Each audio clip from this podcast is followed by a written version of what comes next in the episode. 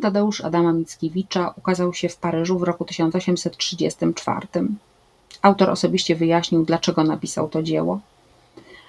Odpowiedzi na pytanie dlaczego odnajdziemy w epilogu i inwokacji.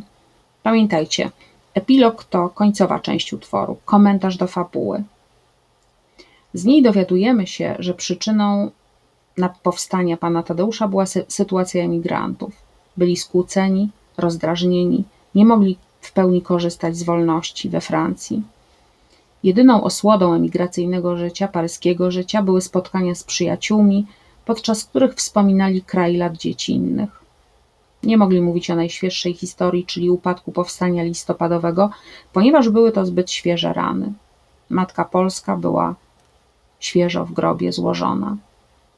Motyw kraju lat dziecinnych jest w epilogu zaprezentowany zgodnie z wyobrażeniami o Arkadii, miejscu szczęśliwym i bezpiecznym. Kraj lat dziecinnych. On zawsze zostanie święty i czysty jak pierwsze kochanie, niezaburzony błędów przypomnieniem, niepodkopany nadziei złudzeniem, ani zmieniony wypadków strumieniem. Kraj lat dziecinnych to było miejsce sakralizowane. Nazywa je Mickiewicz świętym i czystym. Poza tym było doskonale znajome, dlatego bezpieczne. A mieszkali tu najbliższa rodzina, krewni, sąsiedzi dobrzy. Ich relacje porównywane są w epilogu z relacjami rodzin, ludzi na zachodzie.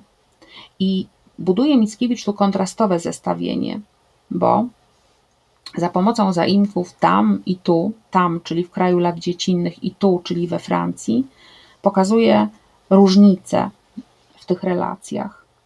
Przeczytam. Kogo z nich ubyło, jakże tam o nim często się mówiło, ile pamiątek, jaka żałość długa, tam, gdzie do pana przywiązańszy sługa, niż w innych krajach małżonka do męża, gdzie żołnierz dłużej żałuje oręża niż tu syn ojca, po psie płaczą szczerze i dłużej niż tu lud po bohaterze.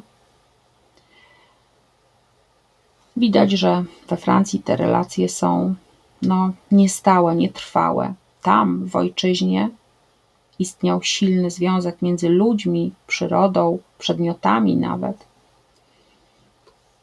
Rozmowy z przyjaciółmi złożyły się wreszcie na opowieść, która zgodnie z marzeniami poety mogłaby trafić pod strzechy. To jest marzenie Mickiewicza, żeby jego księgi czytali wszyscy, nawet prości ludzie. Przejdźmy teraz do inwokacji. Inwokacja to rozbudowana apostrofa. W inwokacji podkreśla poeta przede wszystkim tęsknotę za ojczyzną i twierdzi, że ojczyznę ceni się wtedy, kiedy się ją traci. Parafrazuję tutaj fraszkę Kochanowskiego na zdrowie. Zwraca się w inwokacji także do Maryi, do Matki Boskiej w jej trzech wizerunkach, do Matki Boskiej Częstochowskiej, Ostrobramskiej i Nowogródzkiej, bo wierzy, że tak jak kiedyś w dzieciństwie Maryja przywróciła mu życie w cudowny sposób, tak powróci emigrantów do ojczyzny. A tymczasem prosi o przeniesienie duszy do kraju, do tych pagórków leśnych, do tych łąk zielonych, szeroko nad błękitnym niemnem rozciągnionych, do tych pól malowanych zbożem rozmaitym, wyzłacanych pszenicą, posrebrzanym, posrebrzanych żytem. Znamy ten obrazek? To jest obrazek lata, pełni lata.